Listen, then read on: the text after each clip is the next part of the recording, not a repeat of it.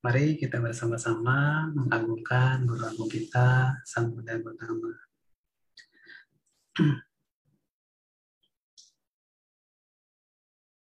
Namo tassa bhagavato arahato sama sambuddhasa. Namo tassa bhagavato arahato sama sambuddhasa. Namo tassa bhagavato arahato sama sambuddhasa. Yo ca wasa satang jiwe apasang dhamma muttamang ekahang jiwitang seyo pasato dhamma muttamang di daripada hidup seratus tahun tanpa memahami Buddha, Dhamma, atau ajaran Guru Agung Buddha. Lebih baik hidup satu hari memahami Buddha, Dhamma.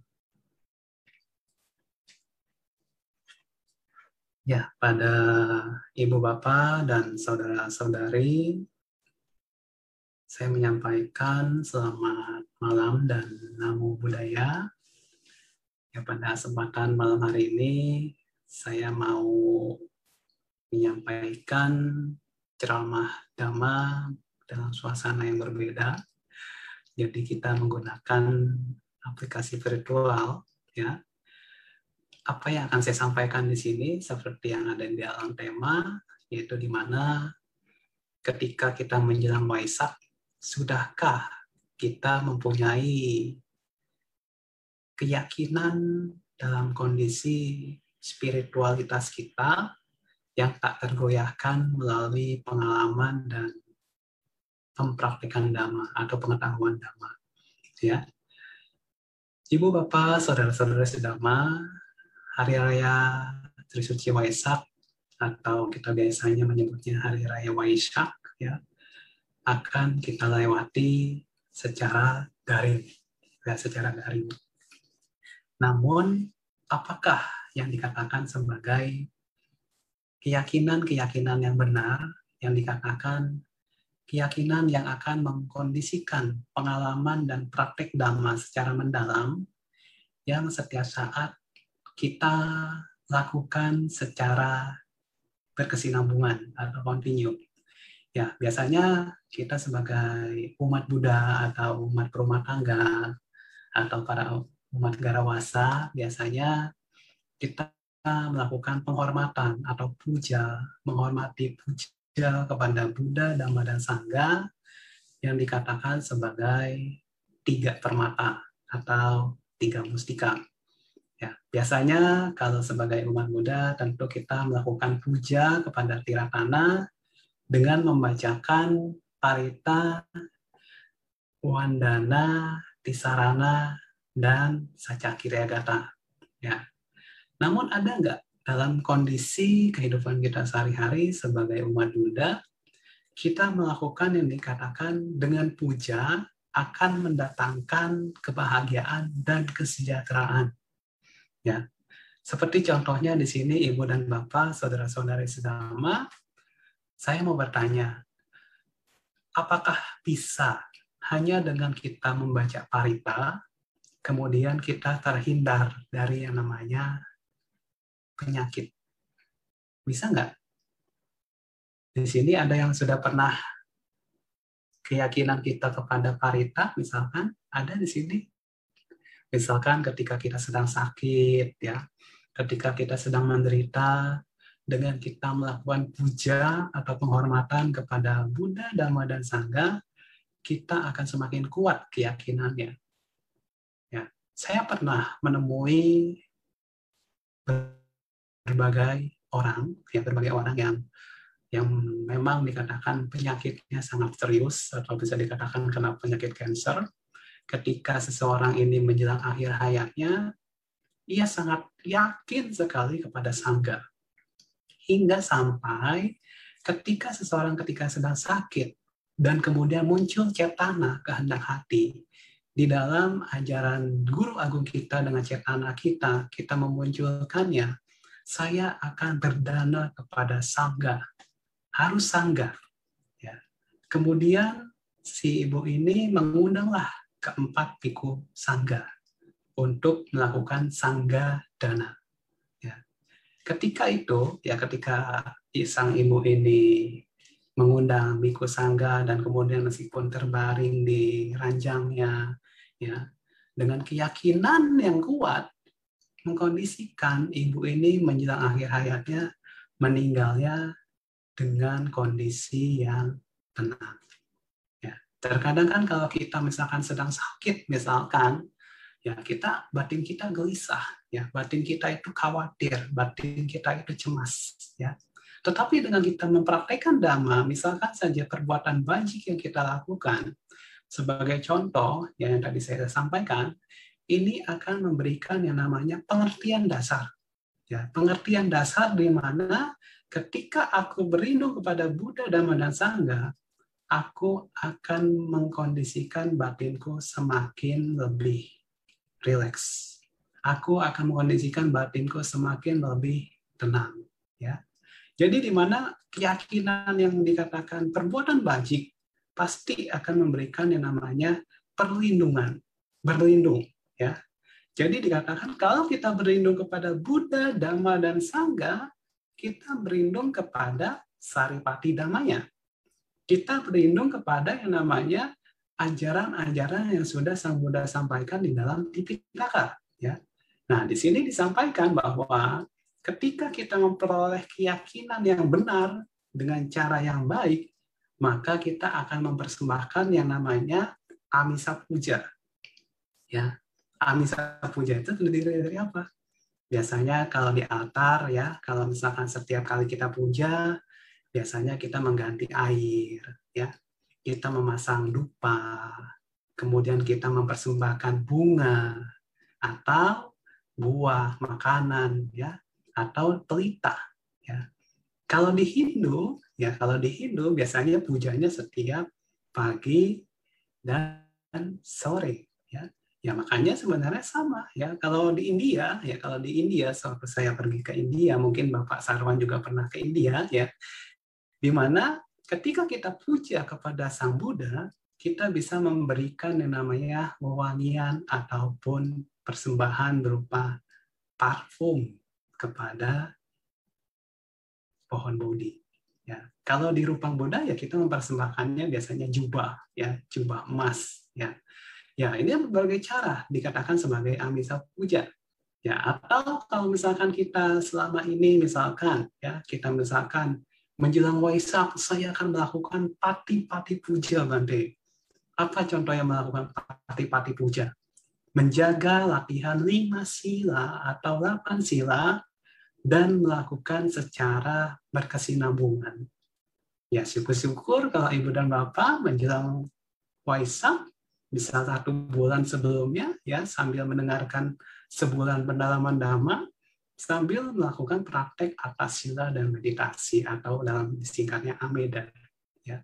Ya maka dari itu di sini dikatakan ya dikatakan dalam keyakinan-keyakinan di sini ya kita melakukan bahwa perbuatan kebajikan yang kita lakukan sehari-hari ya ini dilandasi oleh keempat jenis keyakinan. ya atau bisa dikatakan sebagai sadda atau keyakinan yang dikatakan berlindung kepada Buddha, dan Sangha. Bagaimana cara kita mengetahui bahwa saya akan mengkondisikan keyakinan tingkat saya yang paling dasar atau dikatakan pasada sada ya. Pasada sada di sini yaitu di mana ketika kita bisa memahami keyakinan kepada Buddha, Dhamma dan Sangha dan mengetahui bahwa manfaat-manfaat dari kita berlindung kepada Buddha dan Sangha ini akan mengkondisikan keyakinan yang sejati. Atau kalau di dalam suta ya di dalam bala suta ya. Di mana ketika kita sudah yakin kepada tiratana Buddha, Dhamma dan Sangha, keyakinan kita di sini akan semakin kuat atau kehendak kita akan semakin kuat ibarat kita menanam benih di ladang yang subur. Ini dikatakan keyakinan tingkat dasar, ya. Makanya dikatakan di dalam kitab komentar bahwa ketika seseorang bisa melakukan pemurnian, ya pemurnian di sini dikatakan pemurnian batin atau pikiran, sama halnya seperti seseorang menjernihkan diri dari kilesa atau dalam bahasa palingnya dikatakan udaka pasadaka maniwiya yang di mana ketika ia setiap waktu membersihkan dirinya dari kekotoran batin maka ia akan menjernihkan dirinya dia sebagai ikan air yang dikatakan tidak akan kotor airnya ya.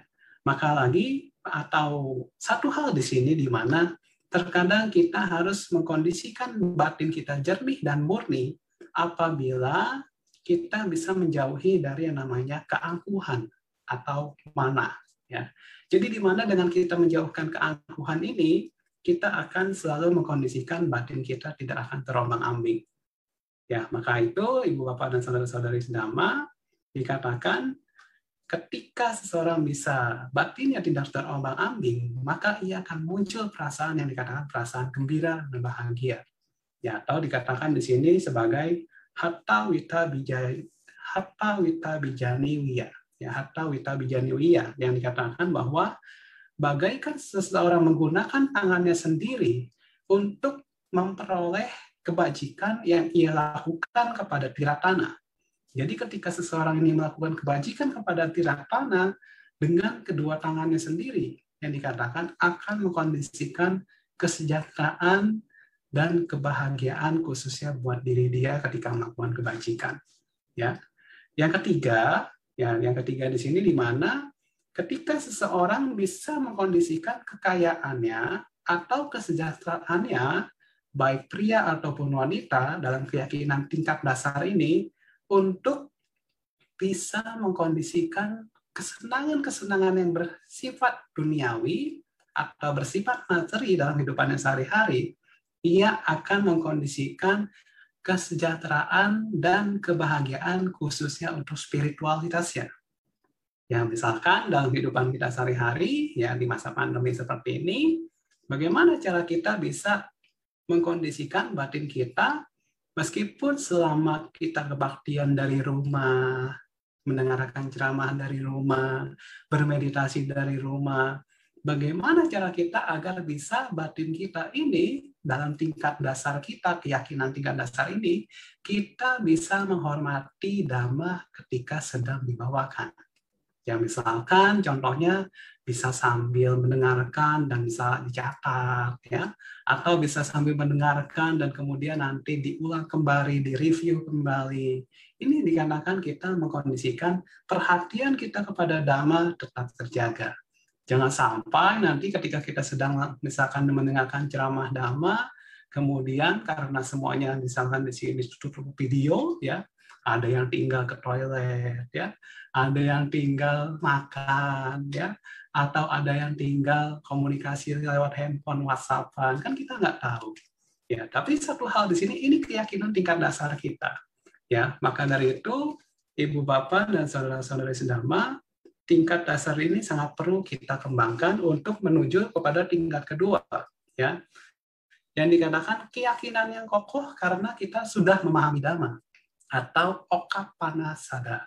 Ya, okapana sada di mana Misalkan ibu dan bapak serta saudara-saudara sedama sudah paham arti dari yang namanya caga, kedarmawanan. Arti dari yang namanya sepuluh macam perbuatan jasa atau dasa punya kilewatu. Sudah paham dari yang namanya sepuluh para mita. Ya. Tapi dalam tingkat praktiknya, ya, bagaimana cara kita untuk bisa melengkapi setahap demi setahap untuk kita mengembangkan yang dikatakan keyakinan kita tidak tergoyahkan ya keyakinan kita tidak tergoyahkan jadi di sini di mana keyakinan yang tidak tergoyahkan kepada dhamma atau dikatakan pengalaman dan pengetahuan dhamma ini dikatakan sebagai adigama sada ya adigama sada di mana adigama sada ini Bapak saudara-saudari sedama dalam karakteristik keyakinannya ya dikatakan keyakinan yang didasarkan karena adanya satu kepercayaan atau sadana lakhana dan okapana lakhana di mana keyakinan ini dikatakan karakteristiknya untuk kita bisa menjadikan keyakinan yang patut dan sejati apabila ya apabila keyakinan ini dijadikan sebagai landasan kita tidak akan memperkeruh yang namanya batin kita. Ya, cara kita agar tidak memperkeruh batin bagaimana? Ya, Ibu Bapak saudara-saudara sedama, kalau kita setiap saat batin kita keruh tentu bagaikan kita meminum air tetapi ada racunnya kan, ya. Maka dari itu dikatakan di sini ketika kita sebagai umat Buddha yang dikatakan memiliki tingkat batin ya, memiliki kadar batin yang baik, ya kadar batin yang bagus dalam mempertahankan sada ini khususnya kepada pemahaman dhamma dan praktik dhamma ya. Di sini kita seperti halnya mengetahui sifat-sifat seorang Buddha misalkan. Sifat-sifat seorang Buddha kan tidak hanya kita ketahui saja, tetapi kita renungkan. Misalkan arahan sama Sang Buddha Bagawa sampai habis, ya, di mana dari sifat-sifat Sang Buddha, sudahkah kita mempunyai yang namanya keyakinan yang sangat kuat sehingga kita tidak akan lagi yang dikatakan beralih keyakinan atau berpindah keyakinan. Ya. Jadi di mana kalau dikatakan kita mengetahui bahwa selama ini kita mengetahui bahwa Buddha itu dikatakan sebagai sang bagawa, ya, atau dikatakan sang bagawa yang dikatakan kita pun harus mencontoh dari sifat-sifat sang bagawa, ya, di mana kita bisa mengendalikan batin kita, ya, di mana kita juga bisa mempunyai cara untuk mencapai yang namanya jalan dari jalan Arya berluas 8 ya. Dan dikatakan kita memiliki yang namanya kebaikan akan membuahkan kesejahteraan dari keuntungan kita atau yasa ya. Dan di mana kita bisa mengetahui bahwa sang bagawa ini yang dikatakan mereka memiliki tanda-tanda yang dikatakan tanda-tanda luar biasa atau mahapurisa ya. Ini dikatakan sebagai siri ya. Maka dari itu dikatakan ketika seseorang memiliki yang namanya kebanggaan atau suatu keyakinan yang kuat kepada Buddha Dhamma dan Sangha Ya di sini dikatakan dengan usaha yang luar biasa kita sebagai umat Buddha yang kokoh menuntun diri kita untuk mencapai yang namanya kemahatauan ya. Atau ya dalam bahasa Pali dikatakan payata ya di mana adanya usaha yang luar biasa ketika kita sebagai umat berumah tangga dan nantinya bekal-bekal dari dhamma yang sudah kita dengarkan sehari-hari ini akan memperoleh pengetahuan-pengetahuan secara dari yang namanya pati pati dhamma dan pati weda dhamma. Saat ini kan kita sedang pariyati, kita sedang mempelajari dhamma, ya. Maka dari itu ibu bapak saudara-saudari dhamma, keyakinan yang tak tergoyahkan khususnya untuk mengetahui dan mengetahui secara pengalaman-pengalaman dhamma yang kita praktekkan, ya bagaimana cara kita bisa memperkembangkan diri kita, misalkan Bante, saya itu tadinya orang yang nggak sabaran. Kemudian karena saya sering membaca parita, saya sering melihat diri ke dalam ke dalam diri saya, kemudian saya bisa mempraktekkan meditasi. Ya. Ketika saya mempraktekkan meditasi, bahkan kepada orang yang saya tidak sukai sekalipun, saya mengembangkan sikap meta atau dikatakan sikap cinta kasih. Ya, jadi inilah cara-cara kita misalkan bagaimana cara kita sebagai umat rumah tangga ataupun bagi para kaum garawasa ya kita memperhatikan yang namanya kesadaran-kesadaran dalam fenomena-fenomena batin kita. Ya. Dan yang paling utama ya tentu di sini kita selalu mempraktekkan yang namanya jalan Arya berwaspada. Karena jalan Arya Berluas 8 inilah yang akan selalu membimbing kita, yang akan selalu mengkondisikan batin kita agar kita tidak mudah goyah. Ya, agar kita tidak mudah goyah. Ya, Ibu Bapak, Saudara-saudara sedama, karakteristik dari yang namanya keyakinan yang tak tergoyahkan di sini atau adika masada ialah di mana ketika seseorang mengetahui karakteristik dalam dirinya sendiri. Ya, baik karakteristik dia secara fisik dia dia ketahui karakteristik dari mental dia dia ketahui atau dikatakan sebagai samanya lakhana dan sabbawa lakhana ya samanya lakhana dan sabbawa lakhana. Jadi ketika seseorang bisa mengetahui karakteristik baik dia punya fisik dan mental yang ia sudah ketahui karakteristiknya, dan kemudian dia kembangkanlah ajaran Sang Buddha sehingga bisa membawakan kepada orang-orang di sekitarnya bahwa ajaran Sang Buddha itu merupakan ajaran yang tingkat kemudahannya untuk dipraktekkan secara kehidupannya sehari-hari secara kontinu atau secara bersinambungan ya. Maka dari itu ibu bapak saudara-saudara sedama di sini dikatakan ajaran sang Buddha pada dasarnya merupakan ajaran yang selalu mengkondisikan fenomena-fenomena dari pengalaman kehidupan kita sehari-hari.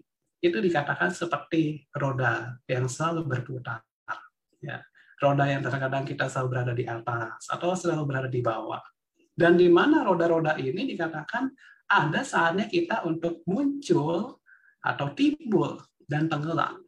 Ini dikatakan di dalam kehidupan kita sehari-hari. Contohnya, ya, contohnya di mana di sini ketika kita menjadi lebih kuat keyakinannya kepada ajaran Sang Buddha, yang di mana khususnya bagi orang-orang yang suci atau mulia, ya, bisa mengetahui yang namanya jalan pengetahuan jalan dan pengetahuan buah dari seseorang bisa mempraktekkan latihan meditasi. Ya, maka dari itu di mana keyakinan yang sangat kuat dan yang kokoh khususnya dan tidak pernah tergoyahkan dari seseorang memiliki yang namanya adigama sada ini, ya seseorang tentu tidak akan tergoyahkan dan tidak akan dia beralih yang namanya beralih keyakinan ke keyakinan yang lain. Karena tidak mungkin seseorang yang sudah yang sudah menemukan permata dhamma ya atau permata dhamma ini dikatakan sebagai jalan hidupnya, kemudian dia menyanyiakan dan kemudian ia akhirnya berpindah keyakinan. Ya, maka dari itu Ibu Bapak Saudara-saudara yang selanjutnya di mana agama nasada.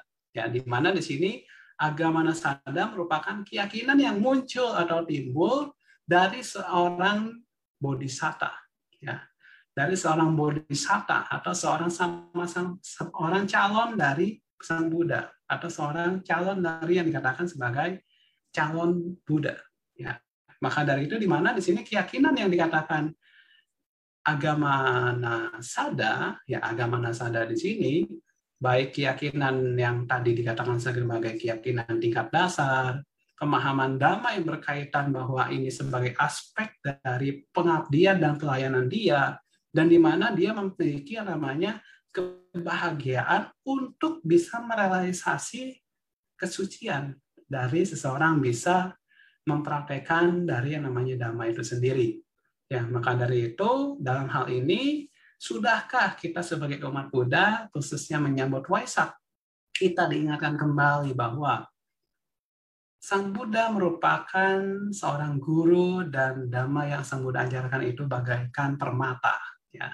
Dan di mana ketika seseorang bisa merealisasi sifat-sifat sejati yang dari dhamma yang sang Buddha ajarkan maka ini akan selalu mengkondisikan dia bisa melenyapkan yang namanya melenyapkan kehidupan dia sehari-hari dari yang namanya hukum atau lokadama ya yang dikatakan atau lokadama kan ada di dalam Ratana Sutta ya dan di mana dengan kita setiap saat merenungkan bahwa kehidupan ini selalu ada ataloka dhamma itu, ya kita juga harus mengingat bahwa Sang Buddha bisa merealisasi dhamma yang Sang Buddha temui sendiri, dan kemudian Sang Buddha mengajarkannya kepada para siswanya. Dan kita sebagai umat Buddha, ketika kita memahami dhamma, marilah kita semakin menjaga yang namanya keyakinan kita kepada tiratana. Ya, kalau kita tidak menjaga keyakinan kita kepada tiratana, Tentu saat ini kita semua tidak lagi beragama Buddha. Tetapi kalau kita semakin yakin kepada ajaran Sang Buddha, kita pasti akan semakin latihannya bertingkat, bertingkat, dan bertingkat. Sehingga suatu hari nanti kita mencapai tingkat-tingkat kesucian. Ya, maka dari itu, Ibu Bapak Saudara-saudara sedama, meskipun masih di zaman saat ini dikatakan tahun Buddhisnya 2565 ya, menyambut Waisak, ya kita semua sama-sama marilah kita sama-sama semakin mempraktekkan dhamma dan kemudian jadikanlah dhamma sebagai pelindung kita dan ketika kita sudah bisa melindungi diri kita sendiri dari ajaran-ajaran yang benar kita marilah kita sama-sama juga untuk meluruskan ketika ada orang lain yang masih memiliki pandangan-pandangan tidak benar atau pandangan-pandangan salah. Karena ini sebagai cara kita melengkapi yang namanya proses dari kehidupan kita sehingga kebajikan-kebajikan yang kita lakukan dalam kehidupan kita sehari-hari akan semakin memperkuat keyakinan kita khususnya ketika nanti sebelum kita meninggal dunia. Ya, jadi dalam kehidupan kita saat ini gunakanlah waktu semaksimal mungkin baik pagi hari hingga malam hari sehingga ya praktek dhamma kita dan mempelajari dhamma kita yang setiap hari kita terus lakukan akan membuahkan yang namanya berkah dari kita mempraktikkan dhamma. Ya, jadi semoga apa yang dapat saya sampaikan di sini, khususnya menyambut Waisak masih dalam 16 hari lagi ya, dan kita terus semangat untuk mempraktekkan dhamma secara berkesinambungan sehingga adanya kebahagiaan dan kedamaian di dalam hati kita. Dan ketika suatu saat nanti kita misalkan adanya sebuah permasalahan dalam kehidupan kita, kita sudah tegar karena kita memiliki yang namanya rakit untuk bisa menyeberangi. Ya, menyeberangi yang namanya arus-arus penderitaan. Ya, demikianlah yang bisa saya sampaikan pada Ibu Bapak Saudara-saudara Islam dan semoga kita semua selalu sehat, bersemangat, dan terus mempraktikkan dhamma secara nyata. Saya Sape Sata Bawantu Sukitata. Semoga semua malam berbahagia. Namo Buddhaya. Baik, terima kasih Bante. Eh, demikianlah Dhamma Desana yang disampaikan oleh Yang Mulia Biku Seno.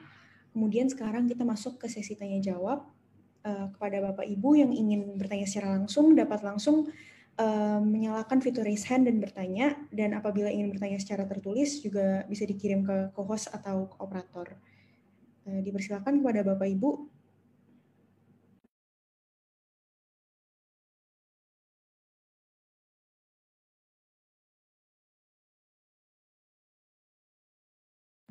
Baik, Bante, uh, ada satu pertanyaan yang masuk melalui uh, tertulis. Pertanyaannya sebagai berikut Eh, Bante, saya ingin bertanya, apakah keyakinan itu harus muncul sebelum ehipasiko atau baru akan muncul setelah kita melakukan ehipasiko? Bagaimana cara kita memperkuat keyakinan itu kalau kita masih dipenuhi dengan keraguan? Terima kasih Bante. Ya, sebenarnya kalau dalam kehidupan kita sehari-hari, keyakinan ini akan semakin kuat apabila kita terkena sebuah permasalahan hidup. Jadi ketika kita misalkan ada satu kejadian-kejadian yang kita hadapi, yang kita alami, dan kemudian kita memperkuatnya dengan misalkan caranya hmm, tidak hanya melakukan kebaikan saja ya, misalkan kalau ada permasalahan hidup ya tentu kita harus uh, menyelesaikan masalah hidup itu sehingga tidak adanya lagi beban hidup kita. Ya. Jadi sebenarnya keyakinan itu muncul apabila kita sudah merasakannya dan mengetahuinya sehingga keyakinan yang kita lakukan kepada ajaran Buddha ini misalkan contoh yang paling biasa kita hadapi saat meditasi kita merasakan duka ya. Saat kita merasakan duka bisa nggak duka itu akan lenyap? Kalau duka itu tidak lenyap berarti akan selalu sakit ketika latihan meditasi tapi ketika kita latihan meditasi, dukanya misalkan semakin menurun, menurun, menurun, dan kita bisa lepaskan duka itu, ya dikatakan kita sudah mengetahui bahwa segala itu yang terbentuk adalah bagian dari proses muncul, berlangsung, dan lenyap. Ya, jadi di mana sebenarnya ehipasiko itu akan hadir apabila akan timbul apabila kita mengalaminya terlebih dahulu ya mengalaminya terlebih dahulu. Dan tentunya itu harus dilakukan tanpa adanya titipan ya. Jadi dikatakan ketika kita yakin kepada satu ajaran janganlah ajaran itu kita titipkan kepada orang lain. Atau misalkan ketika kita misalkan mau berbuat baik kita harus benar-benar yang tadi saya sampaikan sesuai dengan langsung dari orang yang bersangkutan. Seperti itu. Baik Bante, terima kasih. Uh, sejauh ini belum ada pertanyaan lagi, uh, tapi kita tunggu semenit ya Bante. Apakah ada yang uh, Bapak Ibu untuk segera bertanya aja langsung melalui fitur hand atau bisa melalui pertanyaan tertulis, uh, bisa secara tertulis.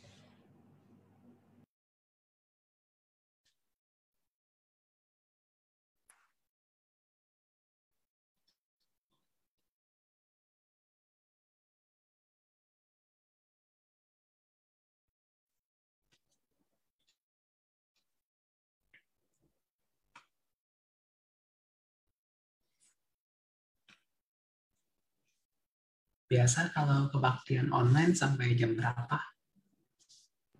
Iya. Setengah sembilan banti atau jam sembilan. Ah, masih lama. masih lama. Pak Sauron mungkin mau diskusi, nggak apa-apa.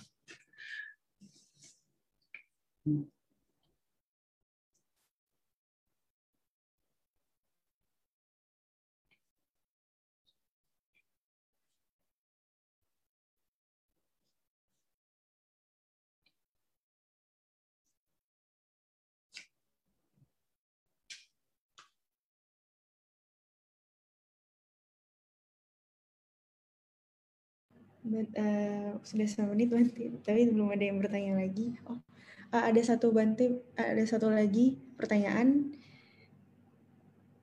Uh, selamat malam, nama budaya Bante. Mohon dijelaskan apakah dengan adanya keyakinan dapat membantu seseorang untuk lebih maju dalam meditasi juga?